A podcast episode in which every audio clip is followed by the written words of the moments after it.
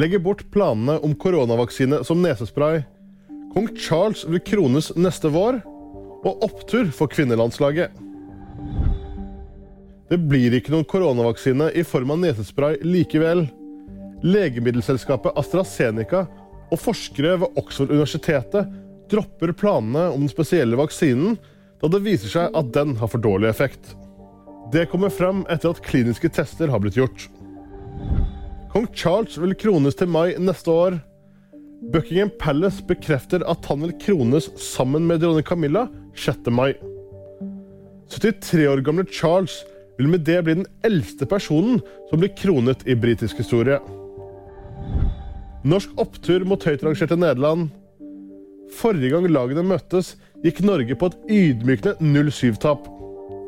16 måneder senere fikk det norske laget revansje mot laget som er rangert som nummer seks i verden. Sofie Roman Haug sendte Norge ledelsen før et selvmål av den tidligere Vålerenga-spilleren Sherida Spitze punkterte kampen.